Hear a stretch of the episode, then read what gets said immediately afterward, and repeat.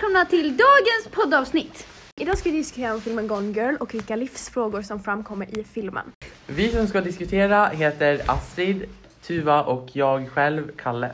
Filmen handlar om paret Nick och Amy. När den femte bröllopsdagen ska firas försvinner Amy under mystiska omständigheter. Misstankar om mord undersöks och Nick blir misstänkt för brottet.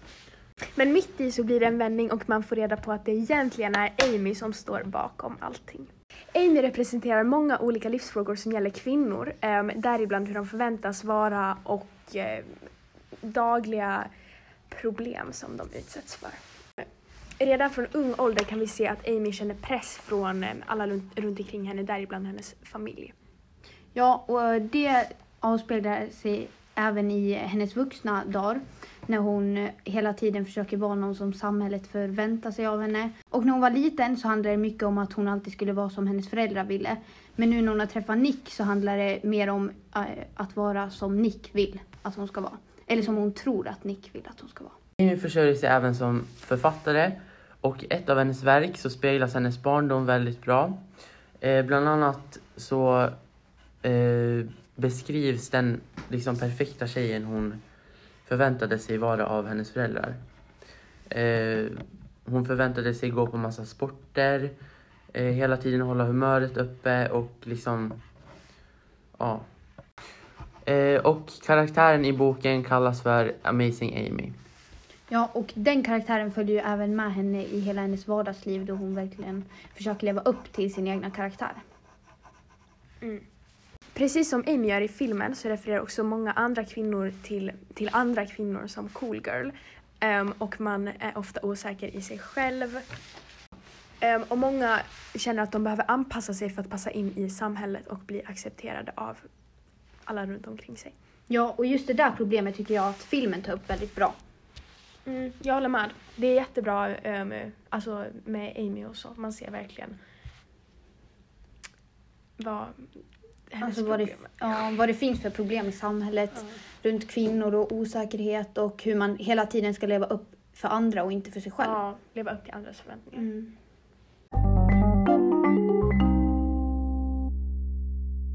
Från början såg Nick och Amys förhållande väldigt bra ut utåt.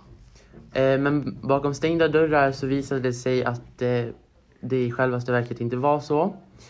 Och eh, att båda var väldigt känslokalla mot varandra och eh, Amy menar på att Nick har dödat hennes personlighet, men det är inte det enda. Han tar också till våld. Och det är där vi känner att vi tror att det är droppen på deras eh, förhållande liksom.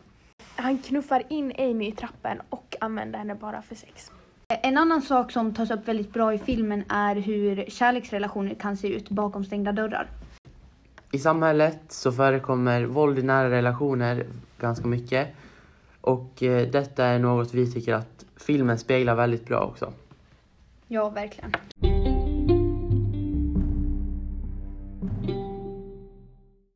Ett annat samhällsproblem som tas upp väldigt bra i filmen är svartsjuka. Mm.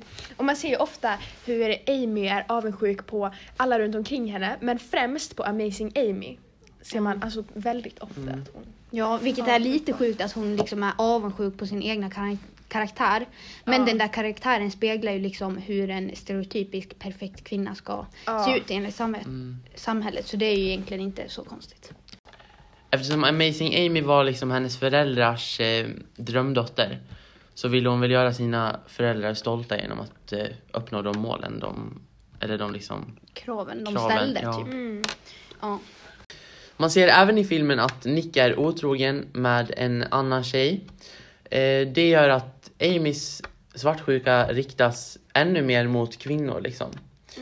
Eh, och den här älskarinnan Nick har, eh, där känner vi att det är liksom hon Amy refererar mest till när hon pratar om cool girl och liksom andra kvinnor. Ja, och det är ju typ då hon väljer att ge tillbaka på Nick och eh, fejka sin kidnappning vilket gör att Nick blir väldigt orolig och sådär. I dagens samhälle förekommer det också mycket svartsjuka, speciellt i nära relationer som den här, där eh, Amy misstänker otrohet. Och i, i vanliga livet så byggs det ofta upp sätt, alltså att man vill ta igen och att man vill hämnas på något sätt, vilket också sker i filmen. Och- Sen är det ju få som drar till den här gränsen som Amy gör. Ja men verkligen, alltså hon är ju mycket värre och tar verkligen sin hämnd för Till långt. en helt annan nivå. Ja, Ja. ja verkligen. I filmen är hämnden först att hon, tanken är att hon ska sätta han i fängelse. Alltså genom sätta att, han skyldig han för kidnappningen. Ja. Ja, eh, fast det är ju hon som fejkar sin kidnappning. Och när hon då märker att Nick börjar synas i TV, han börjar liksom, ja men typ bli känd. Ja. Då så ändrar hon sin plan och... Hon eh, inser att det inte kommer funka och, sätt, och alltså det som hade tänkt från början. Nej, så då ändrar hon sin plan och, och istället då så åker hon hem till Nick igen och skyller kidnappningen på hennes före detta ex som har stalkerbakgrund. Och hämnden istället på Nick då är att han tvingas vara kvar i ett destruktivt förhållande. Ja, för man ser det under hela filmen hur han inte vill vara tillsammans med henne och Ja, han säger ju liksom det till henne att han vill lämna förhållandet och han visar det liksom på andra sätt genom att vara känslokall, ja. bara använda henne för sex och eh, liksom vara otrogen. Mm.